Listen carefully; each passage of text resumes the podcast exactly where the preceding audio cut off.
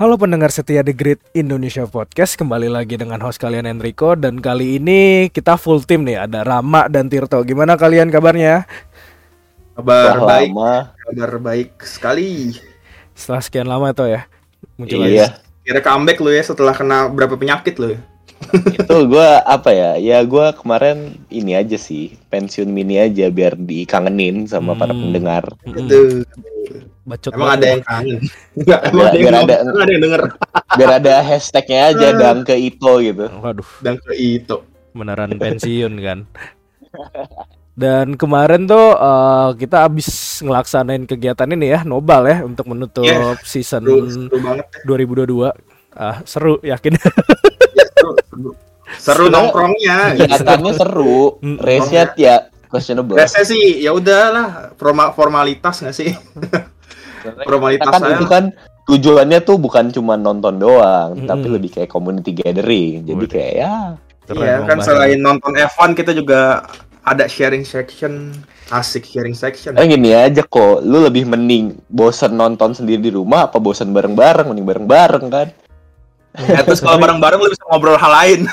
Iya tapi kalau di rumah gua nggak nggak buffering gitu loh ya, Aduh. Ya kan tapi makin sempurna nanti makin sempurna. Mantep lah, moga aja kita nobal tempat yang sama lah ya dengan ya improvementnya lah kalau gue bilang buat tahun depan. Iya, semoga yes. Pasti kok itu mah. Mm, Dan mengenai uh, race kemarin sih ya kalau gue bilang decent lah ya, maksudnya boring pasti ada boring soalnya kita ngelihat di turn one ini pada aman semua dan uh, Fernando Alonso pun sebelum race nyamperin Vettel kan, gue nggak bakal nyerang lu di turn pertama. Ya semuanya tuh Iya. pada pengen ngandelin Vettel ya dapat Iya, pokoknya posisi Vettel tertinggi gitu. poin ya, nggak boleh Ah. nggak boleh nyenggol atau apa pun dah. Dan pas Terus uh, jangan DNF gitu. kemarin ya kita lihat nggak ada suatu hal yang parah sih ya atau konflik parah ya kecuali dua uh, bintang kita ya Latifi dan Mick Schumacher yang hampir Ya. aja bikin jadi Abu Dhabi 2.0 Iya, Abu Dhabi Kemarin 2021 gua ki- juga gara-gara dia kan berdua kan. Cuman Gua kira kalau itu itu kemarin lebih ini goboknya Mick Schumacher kan. Eh, Mick Schumacher Sing- gobok Latifi kan. Ya. Kemarin gue kira itu synchronize spinning. Itu tuh lu kalau main F1 Manager dua-dua ya. Nah, itu crash-nya kayak gitu. crash-nya kayak gitu dia. Iya tapi gue kemarin kayak aduh masa ya ini balapan flashback kayak kan Iya kan. Kan tiba-tiba safety car gitu kan dan bedanya ini perebutan peringkat dua gitu loh. Oh iya dan juga kemarin uh, pas race-nya itu ya kalau kita ngomongin Max Verstappen udah bodo amat ya dia udah di depan kan udah menang juga Iya, dan mau susah banget gimana. dikejar. Mau digimanain anjir. Nah, kita ngeliat battle-nya di posisi kedua driver championship. Yes. Yang di mana tuh kalau gue lihat ya di last lap-nya pun itu Ceko pun kayak ngebrin semuanya lah, kayak ngeluarin semua yang dia punya, tetap aja nggak kekejar kan, karena kelamaan juga kalau gue bilang. Ya dia dia terlalu lama dan kalau mau sebenarnya kan sempat protes ya ke Verstappen. Eh pokoknya sempat protes ke race engineer-nya ke kalau Verstappen tuh nge-held up dia ya. Nggak tahu Gini gini, mohon maaf ya kalau nge-held up kan harusnya lu nya juga catch up gitu. lu nya Iya. juga catch up terus gimana ya gimana ibaratnya lu nggak lu nggak ngejar Verstappen gitu kecuali lu jaraknya kurang dari sedetik terus Verstappen ngalang-ngalangin lu baru itu nge-held up gitu. Mungkin ini dia kayak sarkasnya dia untuk dapetin DRS dari Verstappen sih. Mungkin. Bisa jadi itu Bisa jadi. atau enggak mungkin dia lebih pengennya kayak udah lu gantian di belakang jagain the track gua depan gitu. Jadi roll switch kayak Abu Dhabi 21 ya. Itu Nahan-nahan mana mau Max kayak gitu. Ya itu Ya, cuman kayak ya farfetch-nya aja lah. Iya soalnya resiko juga sebenarnya kita ngeliat juga Ferrari kemarin ya lumayan kuat sih ya posisi mereka juga apalagi dengan Leclerc dia benar-benar eh, sempurna lah kalau gue bilang drive-nya pas Abu Dhabi kemarin Iya. Kalau dibedain sama 2021 kan Hamilton lebih cepat dari Perez ya kan. Mm-mm. Nah, kalau misalkan ini kan Verstappen lebih cepat dari Leclerc gitu. Masa dia suruh nahan?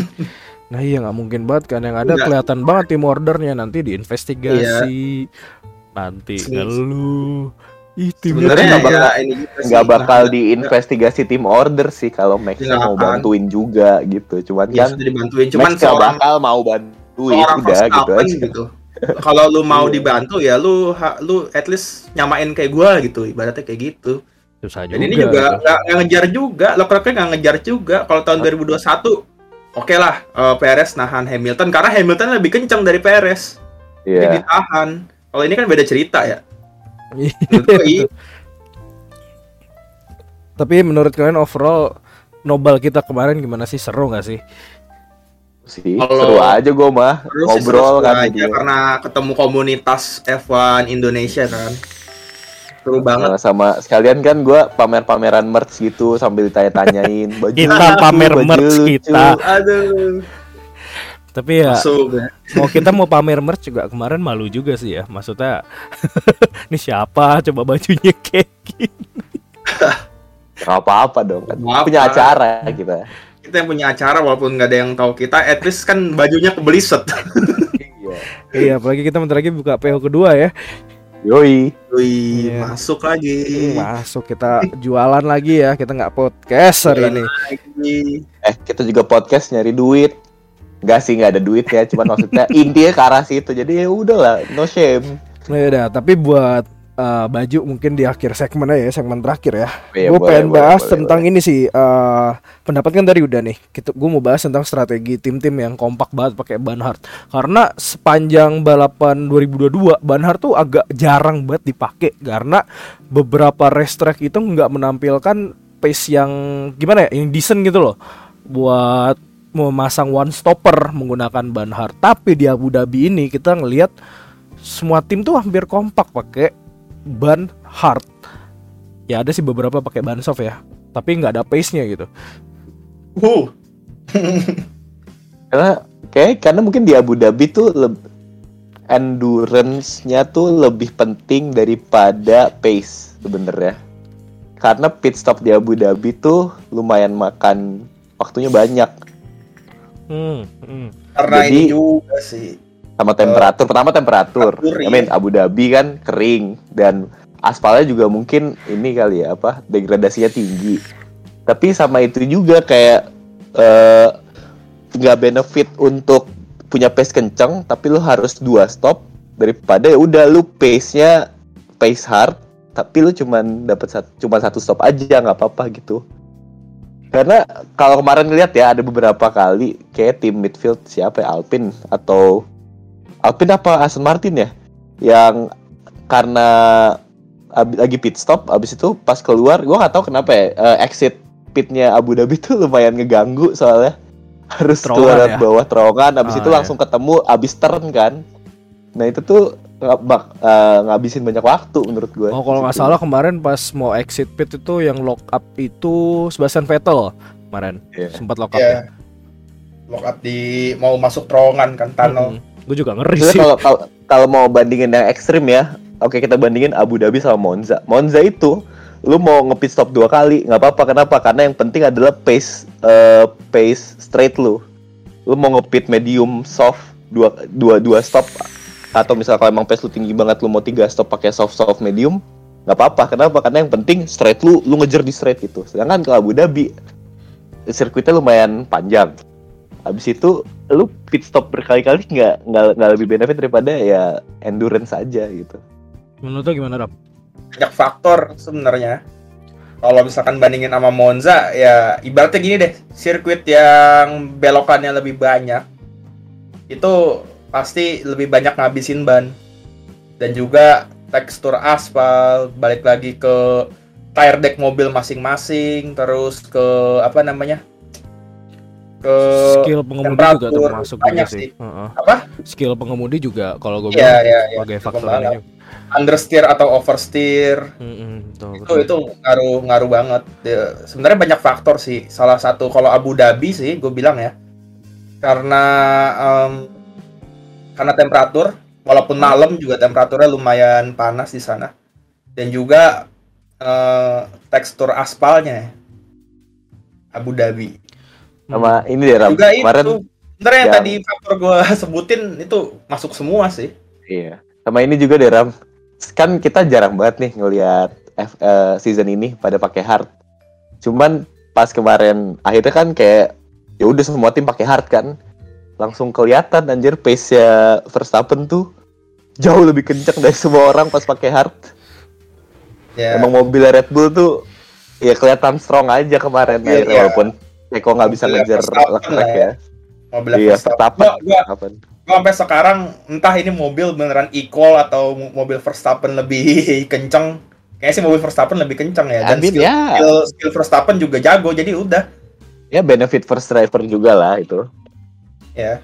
Dan emang dia diprioritasin juga kan buat uh, driver championship kan awalnya karena emang ya itu Iya. tadi dia punya skill ya, dia punya mobilnya dan dia ya gue nggak tahu ya. Maksudnya dalam filosofi ngedesain mobilnya itu lebih ngikutin ke siapa ya kata si Verstappen.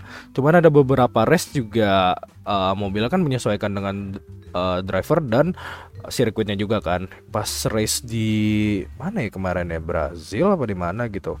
Gue lupa. Pokoknya mobilnya Perez tuh terlihatnya tuh lebih ngarah ke understeer sih Ya karena Iya, balik iya. lagi ke setup confidence para driver. Mm-mm, itu betul juga dan ya kalau kita ngelihat ya kemarin ya ada perbandingan juga ya antara data lapangan sama data di pit eh, di pit lane ya karena kan kemarin itu Carlos Sainz kalau nggak salah kan radio nyala tuh dihubungin sama engine race engineer ya kan Eh, the tire degradation is slow gitu kan better than we expected terus dibalas sama Carlos Sainz I don't agree. Udah gitu. Sedih banget sih Iya, dan malu gak sih? Emang emang sering banget ya sih Ferrari kayak gitu? Kayak Ferrari terlalu ngandelin data gitu dalam pengambilan keputusan. Sehingga ya banyak aja gitu. Maksudnya mereka nggak jarang banget mereka mempertimbangkan feeling pembalap juga. Mm-mm. beda dengan Red Bull ya. Di Red Bull si Hanah itu kan selain dari data dia juga dari feeling pembalap juga gitu. Sudah kalau Ferrari ini dia terlalu ngandelin ini ya, ngandelin data ya. Tapi eh, untuk strateginya Leclerc kemarin gue bilang oke sih. Oke oke. Malah lumayan pinter, pinter ini Ferrari. Dengan ngejebak Perez untuk ngepit gitu loh. Iya dan Dikirainnya kan dikirainnya juga dia wah ini pasti ngepit lagi kan setelah ganti pit eh setelah ganti ban. Ternyata enggak gitu. Ternyata itu nahan sampai akhir dan terbukti berhasil ya walaupun kita nggak tahu kalau misalkan terakhir si Perez nggak ketahan sama Gasly ya. Mm-mm, betul. Atau mungkin ya bakal jadi seru di lap terakhirnya atau gimana.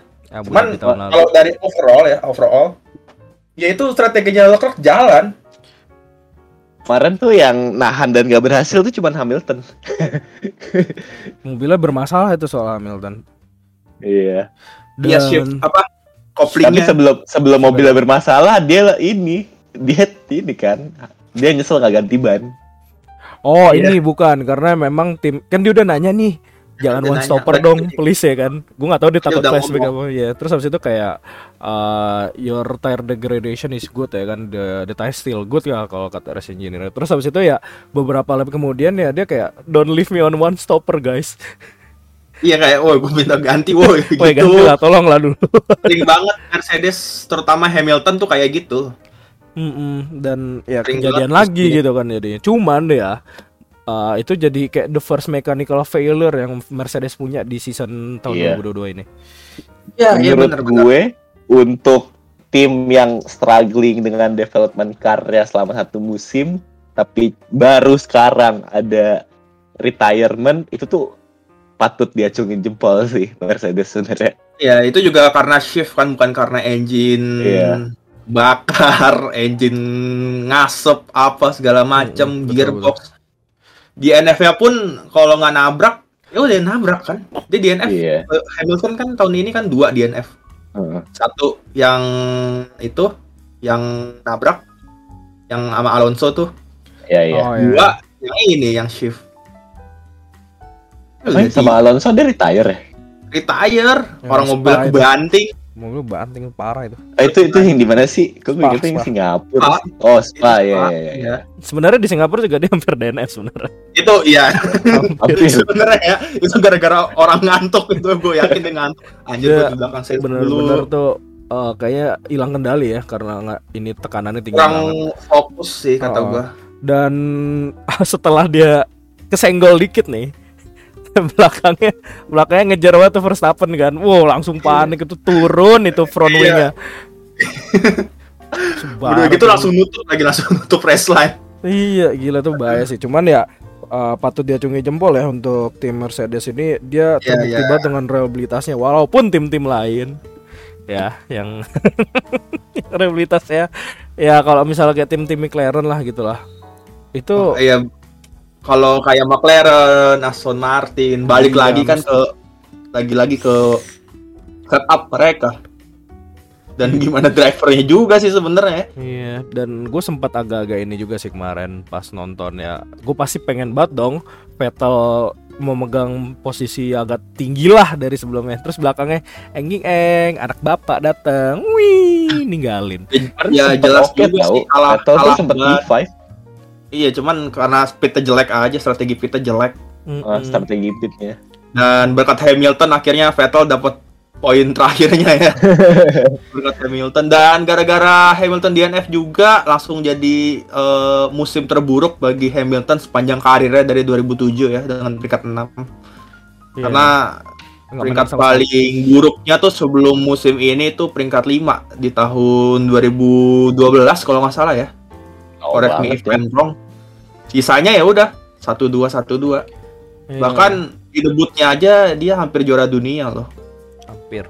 Iya, karena memang season ini memang parah banget sih. Nggak ada driver kayak dia tuh ya despite despite mobilnya bagus juga sih McLaren gitu loh. Iya emang W13 ya kalau buat sekarang emang jelek banget ya. Gue nggak tahu nih Lewis uh, punya masalahnya di mana ya. Uh, pasti pertama kan porpoising itu jelas banget. Terus kedua masalah porpoising udah kelar, tapi pace-nya nggak dapet gitu. loh. Ada sih pace-nya dapet ya kan. Tapi tetap kalah sama teammate-nya Russell. Gue nggak tahu ini beda setting atau apa ya. Cuman ya Settingan. banyak orang kayak udah mulai ragu gitu loh. Ini yakin nih mau multi year lagi gitu loh. Ya kan? Apa tuh oh kontrak. Oh, kontraknya. Ini kalau kata gua sih Hamilton itu di musim ini banyak banget bereksperimen dengan setupnya dia. Ya, banyak banget bereksperimen kadang jalan kadang enggak. Sedangkan Russell dia udah, udah dapet nih, udah itu terus gitu settingannya. Sedangkan Hamilton tuh terlalu banyak bereksperimen gitu. Hamilton Dan- musim ini terlalu banyak bereksperimen nemuin settingan mana yang tepat jadi kayak udah bodo amat nih sama musim ini ya karena mobilnya jelek juga akhirnya dia bereksperimen. Beda sama Russell. Russell ini ya bereksperimen juga cuman mungkin dia dapat settingannya tuh lebih duluan daripada si Hamilton ya. Hmm, hmm, hmm. Itu sih. Mungkin menurut gua sebenarnya kalau ada settingan yang oke cuman Hamilton kayak kurang puas akhirnya ganti lagi ganti lagi gitu loh. Itu yang itu salah satunya ya. Eh gua ngelihat sebelum mid season tuh kayak gitu Hamilton. Hmm. dan menurut gue juga kalau misalnya ngomongin dia perpanjang kontrak lagi terus orang nggak yakin karena eh, apa placementnya dia season ini Karena itu ini. mungkin karena Ini karena iya. walaupun dia mungkin nanti sudah menjadi pembalap yang tidak paling cepat lagi di grid pengalamannya dia tuh sangat valuable buat tim untuk ngebangun mobilnya Gini, juga gini loh, sebenarnya. gini loh. Orang tuh nilainya karena musim ini jelek kan, dia peringkat Iya. 6 kan. Iya kan? padahal padahal itu jelek Padahal juga musim bukan lalu, dia yang jelek ya 2021-nya, musim 2021-nya dia masih fight buat juara dunia loh. Bahkan iya hampir juara dunia ya kan. Orang Hmm. tuh kenapa mikirnya oh, oh jadi mid tone, mid tone. Padahal Hamilton ini kan baru jelek di musim ini ya nggak sih? Bahkan Yap. tahun lalu ya karena mobilnya juga gitu di tahun ini nggak kompetitif. Tahun lalu masih ini kok masih battle kok sama Verstappen buat juara dunia sampai bahkan sampai eh, apa namanya? sampai poinnya sama menjelang Abu Dhabi. Iya betul betul.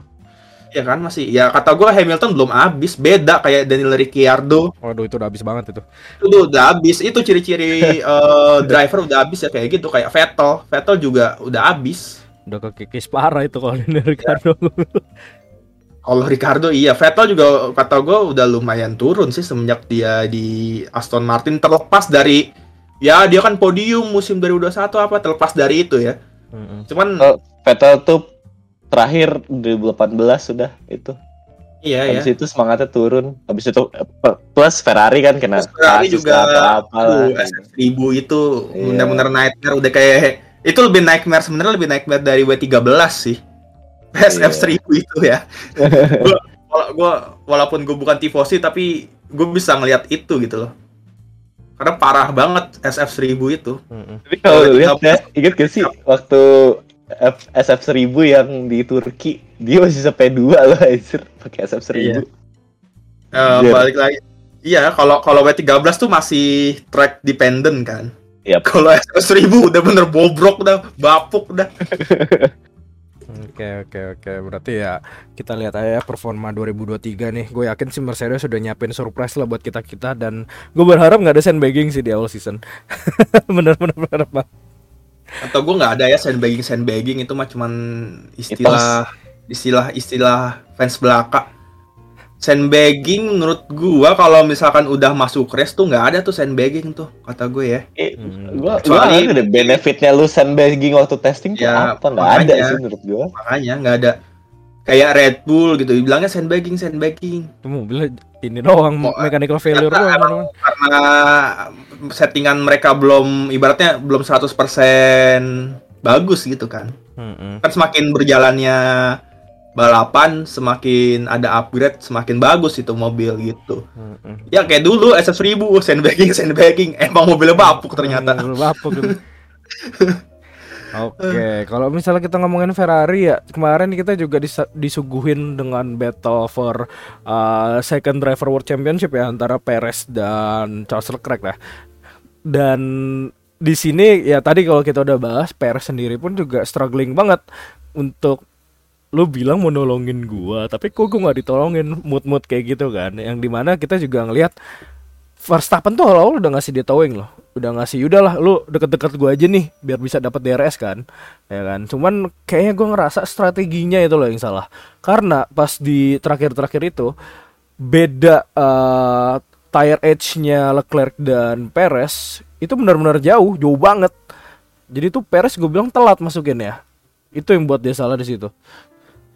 Jadi nggak bisa battle di akhir-akhir karena ya lu nggak Iya. mungkin bro. Lu dalam 10 lap dengan gap lu 7 detik ya lu Iya. bisa kekejar iya Nggak soalnya mungkin kan satu lap satu detik itu udah nggak mungkin. iya apalagi eh back markernya udah ketemu semua nih ya kan dan lu pengen lewatin mereka dan mereka di suatu kondisi di mana lagi belok terus tiba-tiba pelanin diri kan bisa jadi resiko kecelakaan kan Yap. jadi susah juga gitu loh buat ya untuk ngertiin Ceko ini kemarin Iya, iya. Iya, Arab Saudi 2021 ya. tapi ya kalau kita lihat ya dari sisi fans-fans ini kan gue juga ya merhatiin lah gitu kan uh, page-page F1 -nya gitu tetap aja nyalain Max Verstappen Ya. itu mah balik aduh itu mah balik lagi ke bias itu. iya dan kalau misal kita bandingin sama Leclerc itu pace-nya lumayan loh dia kemarin tuh bener-bener uh, zero problem lah kalau gue bilang makanya dia bisa tahan gitu ke depannya Ya, dan prediksi Kalau- buat tire edge itu juga bener makanya dia berani Hmm. untuk ngelakuin one stop kemarin Cuman kalah strategi aja udah sih sebenarnya. Mm-mm. Kalau lebih Iya, cepat kemarin kemarin Ferrari Ferrari did perfect sih sebenarnya. Pas dia Iya. ngomong kayak do what opposite Red Bull does, ya udah dilaksanin dan work out for them gitu gitu aja. Sebenarnya racing aja ya, sebenarnya. itu dummy call kan. Hmm. Red Bull juga Tapi sering banget mancing kayak gitu Iya. eh Red Bull lagi Ferrari Ferrari berapa musim ini ngebluff dengan mekaniknya udah keluar gitu kan. iya box now udah keluar box ngebluff box kan ya Red Bull nggak nggak ini nggak apa namanya. ya main cywar ya. kan dalam pit lane kan Iya. Iya. cuman hebat sih Mungkin udah udah ada ibaratnya mau ngebluff untuk Red Bull tuh ya nggak bisa karena Red Bull pasti udah ada plan A B C D E F G mungkin. Betul. Red Bull tuh kalau bilang paling sigap lah untuk strategi. Cuman ya kadang ya mobilnya tuh nggak sesuai dengan uh, ekspektasi di tracknya sih. Tracknya itu yang menentukan mobilnya juga kayak kemarin di Brazil kan. Kita ngelihat Red Bull ini cepet banget all season. Totalnya pas di Brazil ini pace-nya ke mana? Perasaan kemarin dikejar pakai DRS nggak nyampe. Ya bang Brazil tracknya Mercedes banget ya. Brazil ya. Ya udahlah. Brazil harusnya Meksiko juga sih. Cuman ya di Meksiko balik lagi salah strategi lagi Mercedes karena terlalu konservatif karena main aman jadinya kurang gitu. Harusnya sih menurut gue nih Hamilton justru kesempatan buat menangnya tuh bukan di Brazil kata gue, itu di Meksiko. Hmm. Cuman lagi-lagi ya, ampun Mercedes. Ya semoga musim depan kagak gini lah dan kata Villa- Villeneuve Villeneuve Villeneuve Villeneuve Villeneuve, Villeneuve. Villeneuve Jacques Villeneuve Jack Villeneuve. katanya ya Hamilton bakal bakal balik lagi bakal comeback di 2023 ya mungkin kalau misalkan mobilnya di develop dengan bagus ya W14 ini nih kata gue ya bisa-bisa aja battle dengan eh, Verstappen gitu kan ya Mm-mm. kalau untuk Ferrari gua nggak entah kenapa ya kok jadi jadi skeptis gitu kalau misalkan Ferrari ini bisa Binotto out. battle tiga arah gitu battle tiga arah antara eh, Red Bull, Mercedes dan Ferrari mungkin paling mungkin ketiganya Ferrari kali ya kalau menurut gue ya untuk musim depan ya cuman nggak tahu lah Menurut Menurut gue sih bakal sengit sih. Karena oke. Jadi the, the standnya kayak gini nih. Mercedes tuh mobilnya lagi jelek banget. Kema season ini lagi jelek banget, tapi lagi going to the right direction. Ferrari mobil ya strong banget, tapi they don't know how to handle it season ini ya. Red Bull ya doing Red Bull things and winning gitu kan. Tahun depan nih Ferrari dengan dengan apa namanya dengan segala jenis development yang dia udah bikin tahun ini akan bener gua akan punya mobil yang strong lagi Mercedes catching up dan Red Bull being Red Bull. Dan menurut gue itu bertiga bisa aja tuker-tukeran tahun depan. Hmm, oke. kayak Ferrari Ferrari menurut gua nggak bakal nggak bakal nggak bakal jadi apa ya gue nggak bisa ngeliat nggak bisa ngomong sekarang kalau Ferrari tuh bakal ketinggalan sama Red Bull sama Mercedes lagi gitu. Karena menurut gua mobil dia development dari awalnya udah strong juga sebenarnya. Sebenarnya ya. Ah, ya kalau gua apa? skeptisnya selama di tim itu masih ada Inaki Rueda, masih ada Lauren Mekies, bahkan masih ada Binotto, menurut gua Ferrari nggak bakal bisa ngejar Red Bull titik. Itu. Hmm. That's the problem. Hmm, pindah ke Kan berapa kali? Berapa Siapa yang kali? gantiin Binotto? Berapa kali Lauren Mekies nge-call strategi works sama yang nggak works berapa kali? Berapa kali apa ya? Ya ibaratnya kan dia kan anak buahnya Binotto yang tim prinsipal kan Binotto ya Binotto harus bertanggung jawab dong. Ya kan? Ya mungkin kalau gua jadi pemilik Ferrari itu Binotto udah gua pecat kali ya. Waduh. Udah gua pecat, udah gua Meki apa sama antek-anteknya juga gua keluarin semua atau enggak karena Binotto bagus di sih? Teknik tau gak sih yang dibutuhin Ferrari apa Ram? apa? Lu tau gak yang dibutuhin Ferrari apa? Outbound cuy Tim bonding Ya Allah, ini kita ngomongin Biar- Top Gun sekarang. Enggak gini loh, atau enggak ya. atau enggak Binotto Puncak gitu jadi jadi dirtek aja. Iya sih Yang jadi tim prinsipal tuh yang emang bener-bener bisa ngehandle semuanya gitu, orang yang paling disegani gitu. Hmm, iya, Ya iya. contoh kayak karakter-karakter Arifa Bene, cuman sekarang siapa yang yang kayak gitu? Yang gantiin Binotto siapa namanya? Ya, ya, rumornya Heeh. Frederick Vasseur itu Alfa Romeo. itu naik dia berarti ya naik tim kan? Dari Romeo Naik, ke Ferrari. Berarti dari tim satelit ke tim utama. tapi gue belum nggak nggak melihat itu sebagai sebuah perubahan signifikan yang dibutuhkan Ferrari gitu ngerti nggak sih? Mereka butuh lebih lagi dari itu. Ya jangan apa sih namanya ya? Kalau mau bebenah tuh emang jangan ngeluarin Binotto-nya doang tapi keluarin juga eh, apa sih namanya? Kayak Inaki Rueda, Lauren Mekies itu tuh harus out juga gitu karena mereka bertiga ini otaknya tim. Iya ya tim. bahkan kalau kalau bisa ya eh si Xavier juga diganti sih. Cuman kalau ganti kalau semua ganti dong itu juga jatuhnya. Ya emang begitu harus regenerasi lah udah apa ya. Ferrari kan masalahnya kan mereka terlalu banyak bermain politik internal kan dan juga eh, apa sih namanya terlalu mempercayakan terlalu proud sama orang negaranya sendiri kan gitu. Ya Gini, Again, kita kita ngomong soalnya ngomongin tim yang legacy di F1 itu lama banget Iya. emang Ini ya, iba ya, jatuhnya apa ya? Ferrari itu jatuhnya tim yang tradisional banget gitu loh. Nggak semua semua tim Itali mau sepak bola mau F1 ya pasti mereka eh, dia tuh terlalu Itali itu negara yang terlalu proud sama orang-orangnya sendiri. Jadi kalau misalkan punya tim itu orang Itali semua gitu. Mercedes maju karena apa? Karena ada orang-orang dari luar negaranya juga kan.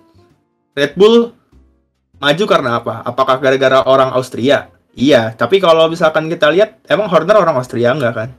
Kayak Hannah Schmidt eh, Adrian Nui gitu loh. Ya kan? Mhm, Mungkin eh, Ferrari bisa nyoba ngambil orang luar Itali sih. Menurut gua ya, yang emang bener-bener capable gitu sih. Iya, Coba lah gitu. Afirmasi, afirmasi. Ini ini berlaku juga buat tim-tim kayak Juventus, Inter, Kenapa AC jadi ke sono? Jadi kenapa jadi ke sono? Iya sama karena mereka sama sama sama semua tim Itali begitu. Ya mungkin ego mereka terlalu gede juga sih. Nah itu th- that's why that's why. Mm-mm, betul betul kayak Ford versus Ferrari aja. Iya. ya iya iya iya betul. Dan kita masuk ke segmen berikutnya kali ya karena ini udah terlalu dalam banget ya kalau kita ngomongin tentang Ferrari dan prediksi tahun depannya ya. Karena selagi masalah reliabilitasnya gampang buat ketebak itu agak susah sih kita buat berharap lebih jauh gitu loh. Apalagi dengan ya tadi itu tiga otak dalam Ferrari itu kalau misalnya nggak direformasi ya sekiranya dikasih training lah gitu kan. Ya bakal kayak gitu aja nanti race mobilnya bagus drivernya bagus. Cuman ya strateginya meh terus pit crew-nya gabut lah.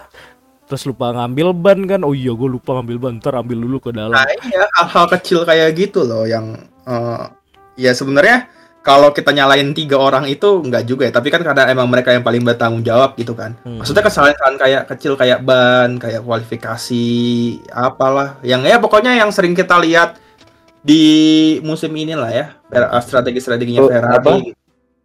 timnya tuh works apa ya works under pressure. Kemarin kan kita sempat ngomongin tuh begitu dia udah kalah championship terus tau ya kayak eh kok mereka lumayan nih bagus. Play- apa namanya eh result race ya ternyata mereka tuh kayak udah lega nih udah udah udah nggak fighting buat apa-apa ya udah jadi kadang- bagus gitu kadang demam panggung juga gitu loh Ferrari ini. Ketika Iya. dikasih kesempatan, ketika misalkan kemenangan di depan mata, mereka demam panggung akhirnya ya udah dihajar gitu Pas. sama tim rival. Kalau Ferrari gini terus sampai 2024, Leclerc pindah itu. Mercedes Yakin gua. Mercedes. bisa Kalau gitu terus ya. tapi bisa emang lah, udah bisa ada aja. omongan udah ada omongan sih buat narik Leclerc juga Mercedes sih banyak banget rumornya sih Iya, dari kemarin oh, saya udah bilang kalau 2000 2024 lu free, gue bakal nah, gue bakal ngambil lo. Hmm, terus gitu. dia kayak ngomong ntar lah nih my dream team gitu loh iya, main dream team until until. terus habis itu dreamnya dream nightmare ya Allah iya, kan ya gitulah. Oke kita masuk ke dan ke Sep. Ini driver yang paling fenomenal ya yang dulunya juga kayak Max Verstappen yang bener-bener batu banget kalau misalnya dibilangin sama timnya. Dan dia orangnya bener-bener nggak mau ngalah. Bener-bener Ya. tuh apinya tuh membara banget sampai uh, multi Driver 21 Sep. Multi 21 Driver muda yang cocok, karakter driver yang cocok untuk mengendari Red Bull tuh yang kayak gini. Mm, yang agresif yang ambisius You need to be bastard to win championship with Red Bull. Itu, itu. Iya setelah pindah dari Red Bull masih masih ke bawah lah kayak anak SMA baru masuk kuliah kan. Terus udah kelamaan di Ferrari udah udah mulai ikhlas, mulai tobat lah Iya, Den, udah, mulai Udah, udah bermawas diri gitu kan. Iya, akhirnya mulai dia masuk ke gerakan-gerakan sosial yang di mana juga kita waktu itu tuh ngelihat Vettel tuh ngebersihin sampah ya dari trek-trek juga ya dari Iya, iya, tempat-tempat. Ya, aktivis lingkungan juga ya. Mm-mm. Dan dia dikenal kalau misalnya ke trek itu naik sepeda. Sangat Betul. green sekali. Sampai ada cerita di mana ya gue lupa di Monaco atau di mana gitu. Jadi hmm, Vettel tuh datang pakai sepeda kan. Mm-mm. Terus tiba-tiba ada polisi nyuruh minggir gitu kan. polisi nyuruh minggir. Kenapa nyuruh minggir? Karena Alonso mau lewat. Jadi Alonso dikawal, Alonso naik mobil dikawal polisi. Jadi semuanya disuruh minggir. Sampai Vettel lagi naik sepeda disuruh minggir juga. Itu kan apa sih namanya itu? Ya cerita apa? Cerita apa lucu lah ya. Iya dan Kalau di- bener juga. kayak itu yang di Binus Alsut kemarin Waduh, Nah, apa tuh? apalagi tuh. Kalau The Bobinus gue tertarik nih kan apa nih? yang apa ada ada ada itu apa orang sepedahan terus nutup jalan Itu gimana tuh? Ah. ternyata yang sepedahan orang penting Waduh, Aduh, kalau ngomong orang penting. pesepeda ya udah sebenarnya udah sensitif sih ya. Sensitif ya. Aduh. Karena memang ini ya kalau pesepeda ya di Indo ya ini agak agak sensitif banget apalagi buat pengendara Iya. motor ya karena Oh, mereka karena karena ke jalan karena- utama bener karena biasanya pesepeda di Indonesia ya apalagi sepedanya di atas 30 juta gitu ya. Waduh. Mereka tuh nggak bisa dilawan karena mereka tuh punya oh, open, paling open minded lah, paling pengetahuannya paling luas di antara Wadaw. kita. Kita nggak bisa ngelawan mereka gitu. Jadi ya udah you, you you do your things gitu. iya kalau misalnya Vettel naik sepeda di mari gue ikutin dari belakang kagak gue pikir Gua suruh tanda tangan. tanda tangan, Bang. Cuman ini juga sih eh, itu yang sepeda di atas 30 juta. Apa kalau lewat jalur sepeda aspalnya grade-nya nggak cukup jadi nggak mau dia di situ. Ya, dia nggak mau. Dia jalurnya jalur ini jalur kendaraan bermotor. kira jalur orang dalam. Balik lagi nih balik lagi ke Sep balik lagi ke Sep. Ya karena eh, kita ngeliat juga performanya di Red Bull itu pertama ya bagus banget kan. Dia menang 4 eh, World Driver Championship dan mobil Red Bull dan akhirnya dia pindah ke tim ya dream team lah sama kayak Leclerc gitu kan ke Ferrari ngikutin idolanya Michael Schumacher juga dan dia berharap banget bisa ngebawa Ferrari ke masa kejayaannya dulu ya kan Ya, tapi itu ambisi dia kan. Ya, eh, tapi nasib berkata lain. Udah mau menang mobilnya jelek, terus belum lagi nanti ada lagi masalahnya. kan. Mercedes lagi bagus-bagusnya. Nah iya kan stres juga tuh dia. Kena skandal, aduh. Pada tuh gue kesian banget sama Vettel tuh akhirnya di 2020 juga ya udah nggak ada PC juga karena mobilnya kan habis kena skandal ya yang di mana kalau nggak Iya, salah eh, ini kan eh, Ferrari buat inilah ya perjanjian sama FIA buat nutupin apa sih kesalahannya dia sebenarnya apa yang dirubah dari mobilnya dan beberapa orang menyebut itu kayak fuel ini ya fuel line-nya dia ya sensornya ya Itu oil leaks. Jadi Oil leaks sam- eh, mesin Ferrari itu eh, aliran bensin itu lebih banyak gitu loh ketimbang mobil-mobil lain. Jadi powernya lebih dapet, makanya mereka tuh engine-nya kuat banget dan tim-tim lain kan akhirnya kayak nyium kan. Hmm, ini ada yang aneh nih dari mesinnya kan, kok bisa cepat banget kan mobil Ferrari ini. Dan dilakuin investigasi dan keluar hasilnya, ya udah skandal. 2020 mobilnya cacat. Wow wow wow. wow. SF 1000. controlled oil leak dan ya akhirnya ya Vettel udah nggak ada pace terus masuk juga driver muda baru Charles Leclerc ya udah dia nggak bisa ngapa-ngapain udah kayak ketinggalan zaman gitu loh. Dan beberapa kali juga sempat mikir kayaknya mau pensiun aja. Cuman pas 2021 ditarik kan ke tim uh, midfield Aston Martin bantu buat ngedesain mobilnya juga dan tutoring Lance Stroll yang Orang di mana anak yang punya. Iya nih mana 2021 nih kalau gue lihat nih dia uh, di Baku ya dapat podium kan. Terus uh, di Hungari sebenarnya dia hampir dapat podium, cuman kena diskualifikasi. karena karena bensinnya kurang berapa ya berapa berapa mililiter apa liter ya? Iya gue lupa pokoknya Mas. ada regulasi FIA itu pokoknya setiap race itu bakal dites itu di uh, mobil itu sisa berapa liter ya. harus minimal satu setengah liter ini buat cuma buat- cum- apa? Kenapa tau? kalau nggak salah kurang 8 kurang 200 mili apa kalau nggak salah Ya pokoknya kurang jadi lah. satu setengah liter yang wajib disisain Ya itu buat biar fair gitu kalau ini kalau misalkan mobil tim ini nggak ada yang melanggar regulasi untuk bensin. Mm-mm. Dan ya tapi kita lihat sendiri dia juga seorang ayah ya yang di mana tiap tahun nih kan kalender F1-nya gila ya. Eh, berapa? 23 24 kan? Hampir inilah hampir 23. Oh iya, Empat. eh, musim depan 24 ya. Tapi Wah. breaking news, breaking news bahwa eh, Chinese GP di cancel. Karena apa nih Covid lagi? Jadi yes, jadi kayaknya 23 ya untuk untuk eh, sejauh ini Mm-mm. 23 race. Eh, Rusia udah enggak ya berarti ya? Udah nggak enggak kan udah kontraknya udah diterminate ya. Mm, diganti sama Uh-uh. Las Vegas. Pires S1 ya, Pires Pires S1. Cuman ya, aduh, kalau gue ngeliat juga gue yakin sih sebagai seorang ayah dia pengen sih ngabisin waktunya buat anak-anaknya ya. Masa iya anaknya tumbuh besar, bapaknya masih balapan nanti muncullah trauma-trauma yang aduh susah juga nyebutin ya kan. Dan dia lebih milih keluarganya ketimbang F1. Ya udah udah gitu kan Vettel kan bukan orang yang kayak bawa-bawa keluarga ke pedok gitu kan. Dia tuh sifat sifatnya tuh tertutup banget gitu. Bener-bener kayak ya Michael Schumacher. Dan aja sampai sekarang masih belum tahu istri Vettel yang mana mukanya. Ada ada dapet- pernah di award pernah ini pernah ada tuh Datang. mukanya. Itu itu tuh foto itu doang. Gue lupa namanya siapa ya. Tapi Gua- ya itu privasinya dia lah karena memang dia juga salah Iya. satu driver yang nggak punya Instagram ya awal ya Iya. dan sosial media lainnya. Dan Instagram buat tiba- pensiun. Iya dan tiba-tiba dia bikin Kalinya bikin ini langsung buat bikin silly season. Aduh. Kalinya bikin IG. pensiun dia bikin dua video dalam bahasa Inggris satu, bahasa Jerman satu. Oh iya, eh, istrinya Hannah Freter. Oh kirain Hannah Smith. Anda Wu. Hannah, Hannah Aduh. Hannah. Terakhir terakhir fotonya ke leak tahun 2019.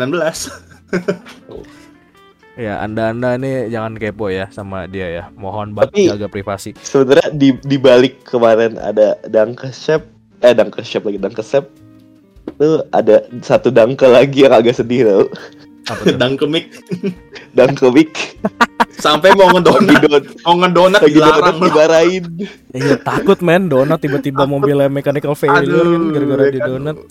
Please Iya. make don't do that Kayak- please.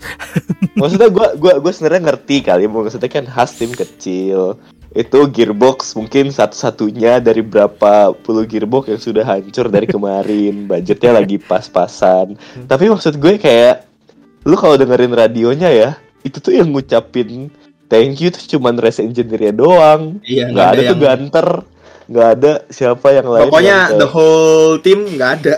Iya. iya Ya, emang gara-gara bikin miskin banget ya, jadi dia gak dimusuhin ada circle-nya lagi di dalam khas. Jadi susah juga gitu loh buat Bisa jadi Mas. sih, bisa jadi gitu. iya bisa Kita nggak tahu ya. Udah, udah gitu si Mick abis dibilang nggak boleh donat suaranya kayak mau nangis gitu ya kasihan Ya, gue kesian banget ya sama Mick ya udah nggak dapat seat. Ya mau ngedonat aja buat perpisahannya nggak boleh. Terus nggak ada yang ngomong thank you juga. Timnya nggak bikin demo apa sih namanya? Kalau Ricardo kan dirayain tuh perpis spesial perpisahan Ricardo kan. Mm-mm. Di mana semua tim ngumpul terus ada piala Ricardo yang di Monza. Kalau Mick tuh enggak. Jadi bener-bener ya udah. Ya, Ya, something kayak Latifi lah ya. Susah juga ya. Iya. Akhirnya digantiin dengan Nico Hulkenberg. Hulkenberg another yang German udah tiga tahun nggak balap ya.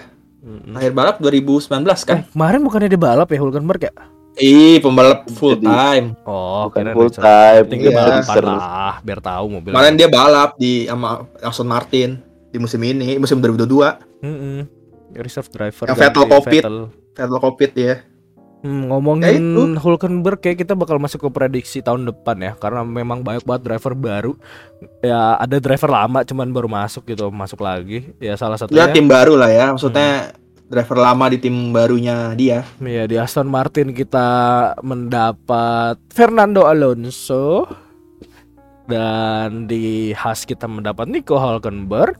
Di Williams kita mendapat Logan Sargent di McLaren kita Yes. dapat Oscar Piastri dan di Alfa Tauri kita mendapatkan Nick Debris Debris What? 6 Debris? tim dengan 6 pembalap baru ya. Mm-mm. menurut lu nih dari kalian nih eh, kalian mau ngeliat potensi siapa dulu sih yang bakal segede sekiranya jadi bintang gitu loh buat tahun depan Intinya one to watch lah ya. The Freeze sih menurut gua. Hmm, Gua ada dua sih ya. Kalau gua lihat eh, gua tuh ngarep ngarep gua tuh berekspektasi tinggi kepada Nick De Vries dan juga ya nggak tinggi-tinggi banget lah ekspektasi gua kalau ke Oscar Piastri gitu loh. Hmm. Gue penasaran performa dia di musim depan gimana. Apakah dia bisa eh, ngalahin teammate-nya gitu. Ya walaupun nggak di tiap balapan at least eh, 5 6 5 6 balapan, 10 balapan lebih bagus. Gue pengen lihat ini nih Nick Debris ya, Debris satu. Terus dua Kalau- Piastri, tiga nih Logan Sargent ini bener-bener Ya, Logan Sargent aneh juga. banget ini ya, Logan Sargent nih karena memang uh, Williams nih kayak taruhan gitu loh buat ngambil driver ya. Biasa kan tim-tim lain ngambil yang berpengalaman ya. Kalau misal Tauri kan berpengalaman karena dia udah nyobain hampir semua tim kan. Nick De Vries. Iya. Dan Oscar Piastri eh gue nggak tahu ya dia. ngelihat dari F2-nya dia atau gimana Oh, jadi- performanya. Cuman kan di F1 ini kan pasti bakal ada yang berbeda kan. Mungkin aja dia bisa lebih cepat, mungkin aja bisa setara dengan Norris. Tapi gue yakin sih mereka bisa nyiapin mobil yang sekiranya driving style sama sama mereka berdua. Tapi Logan Sargent yang di mana runner up keempat ya di driver championship F2 ya dan dapat Iya, super pasti. license Yes.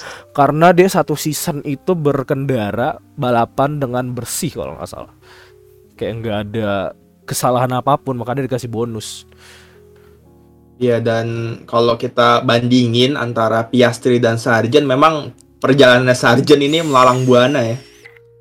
Eh gak apa sih namanya super sempat ke- license. ya intinya dia tuh nggak kayak Piastri juara F3 langsung ke F2 terus dari F2 langsung reserve Alpine terus langsung ke F1 nggak gitu Sargent ini memang dia nggak nggak pernah juara ya cuman kalau dari performa bak- bakal cukup menarik sih di musim depan ngelihat hmm, si Sargent ini rookie rookie ini Rookie Amerika buat Mungkin konsisten cuman sekali kali ya. Ya bisa bisa juga. Cuman Iya. alasan Williams ngambil dia adalah mungkin biar dia kan eh, young driver Williams gitu kan. Jadi ya intinya biar regenerasi ini jalan gitu di Williams biar program akademi ini jelas gitu. Hmm, Outputnya. kayak ya sama Dicoba nggak ada kayak- salahnya nyoba. Maksudnya nggak ada Iya. salahnya ngasih kesempatan ke Sargent gitu kan dibanding lo ngambil contoh eh Duhan. yang di luar driver akademi lu kayak Mick Schumacher walaupun udah punya pengalaman tapi kan eh Mick Schumacher udah terbukti gitu di tim ibaratnya kan Haas sama Williams ini kan 11 12 ya. Hmm. Eh, kalau dari secara eh performa cuman daripada ngambil Mick Schumacher nggak ada salahnya lu nyoba Logan Sargent kali aja lebih bagus gitu loh. Lebih menjanjikan Hmm. dan juga bisa jadi ibaratnya tim Young apa sih Young program youth program tuh jelas Ya, yang Punya driver output. program. iya Kayak tuh. Yang Tadi lu mau ngomong apa tuh? program. Sorry. Ya menurut gua kalau misalnya siapa tadi yang dari F2 langsung ke F langsung ke F1 itu sebenarnya driver yang dalam karirnya dia tuh menemukan momentum yang pas gitu. Kayak eh, mungkin dia driver bagus dapat bagus juga tapi momentum karirnya tuh tepat gitu. Oh dia F langsung juara F2 Iya, Terus iya. langsung dilihat sama nggak semua. Gini ada atlet di F1 F2 F3 itu ada 60-an driver, ya kan? 60 driver ini tuh nggak nggak semuanya akan punya tempat yang seperti itu gitu. Jadi nggak ada juga mungkin kayak Logan Sargent ya itu dia. Mungkin menurut gua dia adalah driver yang konsisten. Yang tadi lo bilang juga dia selama satu musim drivingnya clean. Mungkin itu sama Will, ya sama William dilihat gitu yang kayak oh shit we we we need this driver. Dan itu juga nggak juga karena kita tahu kan kondisi financialnya William tuh bukan ses, bukan top juga gitu.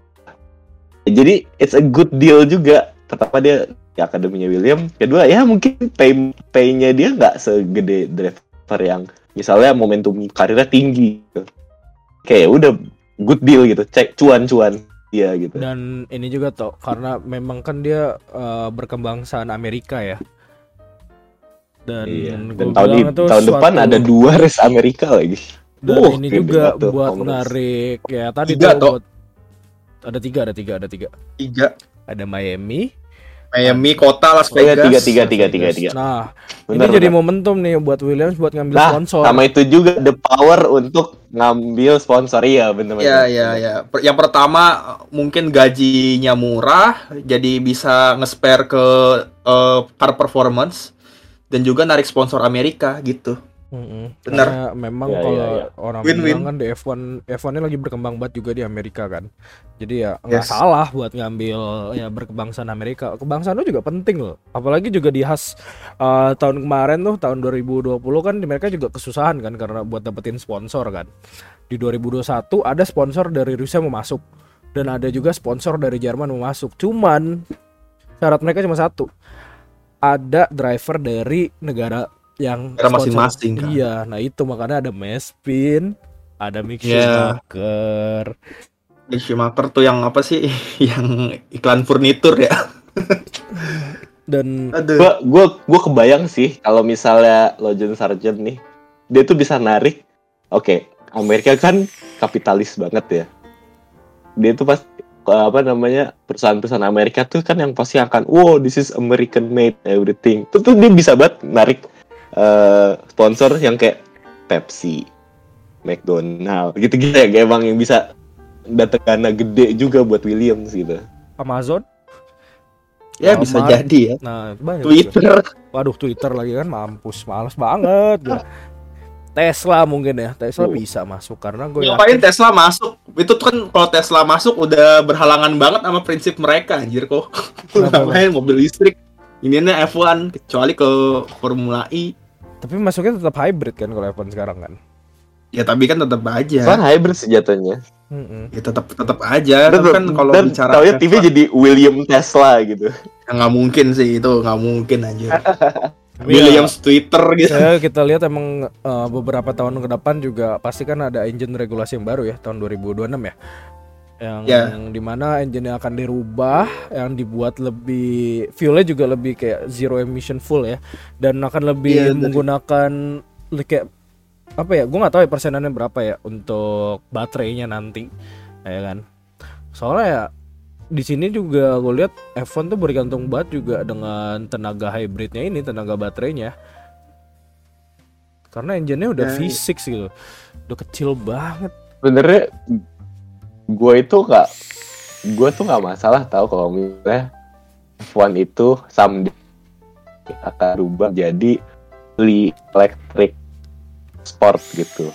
Tapi pada saat ini dan tahun ini dan generasi ini mungkin mesin elektrik itu mas kalau ngomongin performance masih jauh di bawah mesin eh, fuel base. Jadi ya Iya. Cuma Dari gue sih bisa ngeliat F1 umur akan secara ke situ. perkembangan. Hmm. Ya, emang F1 arahnya Iya. ke zero emission kita- bahkan. Iya. Intinya ke, Ya, apa-apa ke sih. intinya ke pelestari pelestarian lingkungan lah. eh, Iya. bebas polusi gitu. Mm-mm. Cuman balik lagi ke Amerika ya sponsor ya. Bahkan Alfa Tauri aja hampir ngambil pembalap Amerika loh. apa Duhan memang Pol Polton Herta, oh sorry lah nggak kenal nggak kenal Polton Herta pembalap. IndyCar dan ya oh yang sempet ini ya kemarin ya Tuhan tuh mana sih Super negaraannya? license. Israel ya? ah Du- Duhan kan anaknya Mick Duhan. Jack Duhan tuh anaknya Oh iya, Mick. Duhan.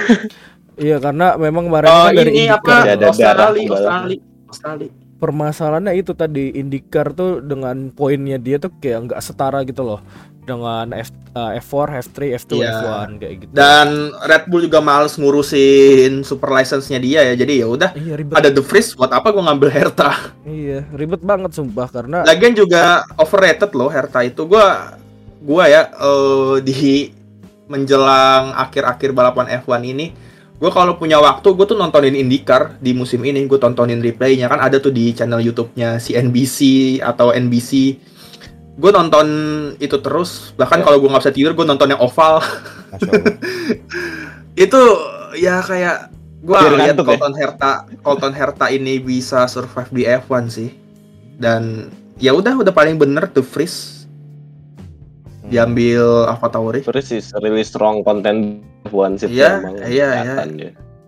Oke. nggak usah ngeribet ngurusin super license apa dan driver muda ini yang selalu ang- yang pasti selalu dianggap muda ya padahal umurnya 27 Tapi tahun Freeze gak semudah itu aja. umurnya 27 Gue dan ya. memang setelah juara F2 itu tuh karirnya itu tuh nggak mudah karena ya itu di waktu yang tidak tepat ya dia kan juara F2 tahu nggak eh, rivalnya siapa pas di F2 Wah. Nicolas Latifi. Hmm. Ada. Dia Eh, dan lagi. emang gak ada tempat juga saat itu di F1 gitu untuk ngambil The Freeze. Akhirnya dia ke sempat ke WEC, sempat ke eh, Formula E kan, jadi juara dunia di Formula E. Iya. Dan ya intinya muter-muter lah ya sebelum akhirnya ke F1 dan nyobain hampir semua mobil di grid di musim ini. Ya inti kayak udah cukup aja gitu maksudnya pengalamannya. Walaupun di F1 tuh belum terlalu terbukti ya. Kalau di Monza kemarin dia dapat poin karena memang kalau dari kita lihat mobilnya ya. Kalau kita lihat dari mobilnya Williams ini kan bagus banget di Monza ya. Karena eh, straight monster lah ya kalau kita bilangnya Williams. Jadi mungkin menurut gua Masih walaupun dia soal ya. ya walaupun di Monza dia dapat poin, menurut gua ini tuh belum terlalu ngebuktiin dia di F1 gitu. Kita harus lihat maksudnya nggak adil nilai dia dari berdasarkan satu balapan di F1. Kita harus lihat di nah musim depan gitu loh. Musim depan kita lihat nih performanya gimana nih. Kita nilai itu semua pembalap-pembalap kayak Piastri, bahkan Sunoda ya, Zhou masih harus kita kasih kesempatan gitu loh. Mm-mm. Oke. Tuh kayak gue bilang udah cukup mendalam ya untuk segmen prediksi kita tahun depan dan gue yakin banget prediksi ini tuh banyak dan setiap orang juga punya harapannya masing-masing karena gue yakin 2023 ini bakal jadi season yang wah sih wah banget dengan data Ya, menarik banget. data Banyak yang udah driver diambil baru. dari 2022 mobil lebih diperbaikin lagi dan ada ini juga kan cost cap yang lebih menjaga lah ya gue nggak tahu sih ya kalau masalah cost cap takutnya Red Bull ngelanggar lagi cuman eh, ya tadi kalau dia kan udah terbukti ngelanggar dan udah dikurangin juga udah dikasih penalti bla bla bla. Ya gue yakin battle bakal lebih seru sih buat tahun depan nanti. Itu aja sih. Gua harap gitu sih. Gua harap Mercedes balik lah. Terus ya intinya Hamilton bisa bersaing. Hamilton eh entah Hamilton entah Russell lah bodo amat. Siapa pokoknya harus bersaing buat juara dunia lah. Itu aja sih. Lawan Red Bull atau bahkan Ferrari ya. Ada harapan terakhir lo apa tuh buat tahun depan tuh? Malah ngorok kan? Hmm. Harapan gua adalah Ferrari sih. Gue pengen banget ngeliat Ferrari kan kompetitif tuh. sejujurnya. Walaupun walaupun gue tifosi karbitan tetap aja kayak you know lu ngerti gak sih kenapa orang dulu benci banget sama Seb, benci banget sama Hamilton ketika mereka dominating? Karena balapannya jadi gak seru. Lo tuh jadi apa ya? Kalau gue tuh berharap banget kalau misalnya tahun depan itu ini gue ngomong bukan dari fans satu tim ya, tapi Hmm. fans dari sportnya ya. Bahwa itu tuh bisa dis- bisa sengit gitu, bisa ada multiple driver having points yang sengit gitu. Karena itu good for the longevity of the race and sportnya aja. Iya, Jadi gue gue berharap banget Ferrari nggak akan terlena dan tidak dan tahun depan ya mereka outbound dulu lah ke mana kayak ke puncak atau ke Bogor gitu biar timnya itu makin akrab gitu biar mereka bisa kerja under pressure gitu. Gue tahu ke mana lagi. Mana warpat? Ngapain lo di sono?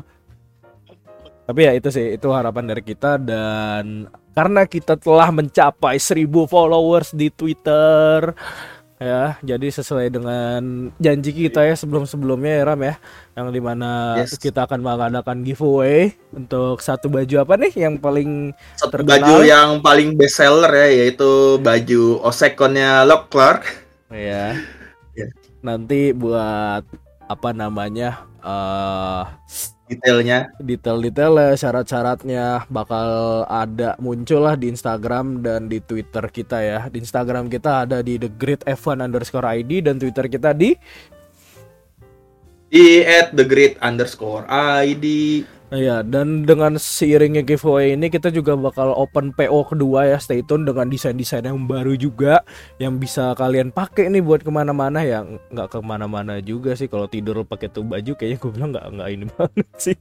Cuman gue yakin berenang eh, desain ini bisa ngebuat kalian seneng lah dan orang-orang lain juga kayak wih Leclerc nih lagi beli gorengan ya kan lagi beli rokok di Madura kan bisa tuh Dan Ya terus akhirnya dapat temen kan di situ kan gara-gara Verstappen nih kenal baru F1. keluar dari masjid. aduh Verstappen lagi dibahas lagi. Aduh ya Allah, malu banget kayaknya.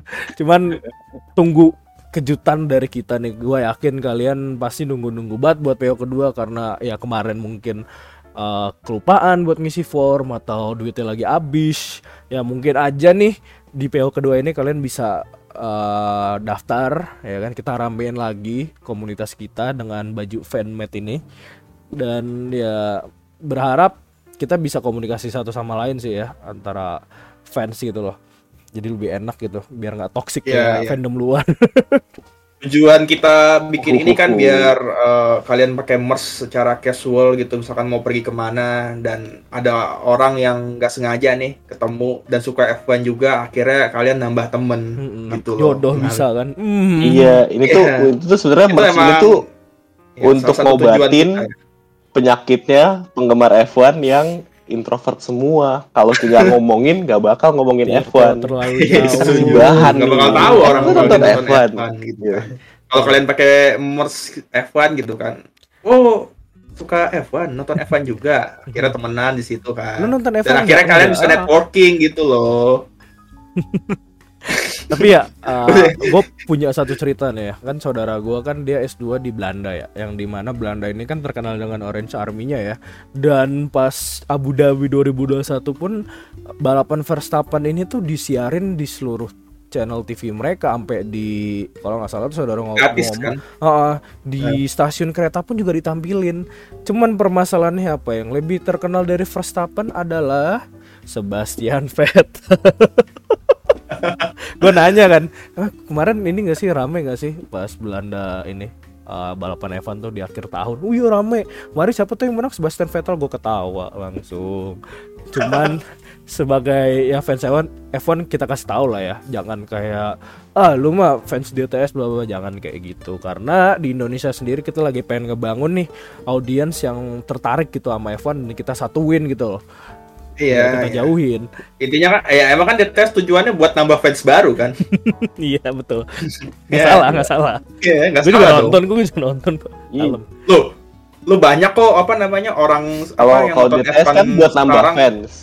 yang nonton lagi gara-gara dites banyak kok. Mm-mm, betul. Iya banyak kok.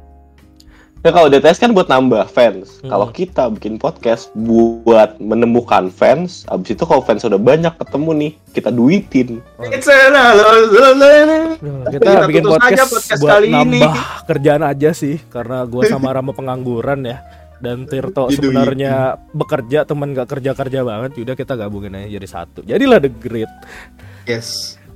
dan Yoi. apa ya kita sebenarnya bertiga ini udah happy happy aja ya. Cuman kalau ada eh mm, talent ya diutamakan cewek Ya, The Grid lagi mencari talent. Kalau bisa cewek ya karena kita karena kita ada menarik. Goblok. jangan lupa. Buat apa berpenampilan menarik? Orang podcast saya kagak. Pengalaman podcast lima kan tahun. Pengalaman Nah, Bersuara menarik kali. Itu mas sales, itu mas sales mobil. Iya buat jualan baju kita Ram nanti. Oh iya, kalau bisa keturunan Serbia ya, Serbia. Bacot banget. Deh daripada kita Kalau lu pernah apa tuh apa tuh? kalau lu pernah masuk 21, kalau lu pernah masuk 21 terus dengar kayak ini suara ceweknya Aldus, tapi gue kayak bisa ngalahin. Nah, lu daftar kita. Kita bikin famous juga lu ntar. Ya, jadi kita kayak agensi ya jadinya ya. ya agensi. Tapi Malah ya, jadi agensi. kalau misalnya nih kita ada noba lagi, kalian boleh banget datang ke kita ngobrol-ngobrol aja ya tentang F1, tentang baju kita juga nggak masalah. Mau ngasih insight, mau ngasih saran, kritik, itu kami terima banget karena di sini juga kita baru berapa Ram? Baru setahun ya kita jalan ya. Tahun setengah kita mulai podcast ini kan September 2021 ya. Hmm, Yes. Ya dan Tahun kita setengah. udah sampai sini ya, udah 1000 followers dan kita udah banyak juga kenalan dengan podcast-podcast lain ya. Kita berterima kasih Ya, banget. fanbase fan Hmm. fanpage fanpage lain. Iya, berterima kasih banget karena ada mereka pun kita bisa ini bisa naik lah pamornya. Iya, kebantu lah ya. Itulah ya, Bang. Kenapa lebih seneng kayak ah akhirnya ada fans lain gitu nonton gak Iya. bertiga doang ansos di Discord. Aduh, lu ngeledek gua. Yaudah, itu Gue juga aja. dong, kan bertiga kita. Ya, intinya kita mau mengucapkan terima kasih buat semua ya. Mm-mm, betul betul. Buat Makasih ya guys. buat semua. Oke. Untuk terakhir kali ya terima kasih udah dengerin podcast kita untuk satu season ini dan ditunggu ya, Ya. informasi lebih lanjutnya buat PO-nya nanti. Oke, see you on next season. Bye bye. Thank you semua. Bye bye bye Bye. bye.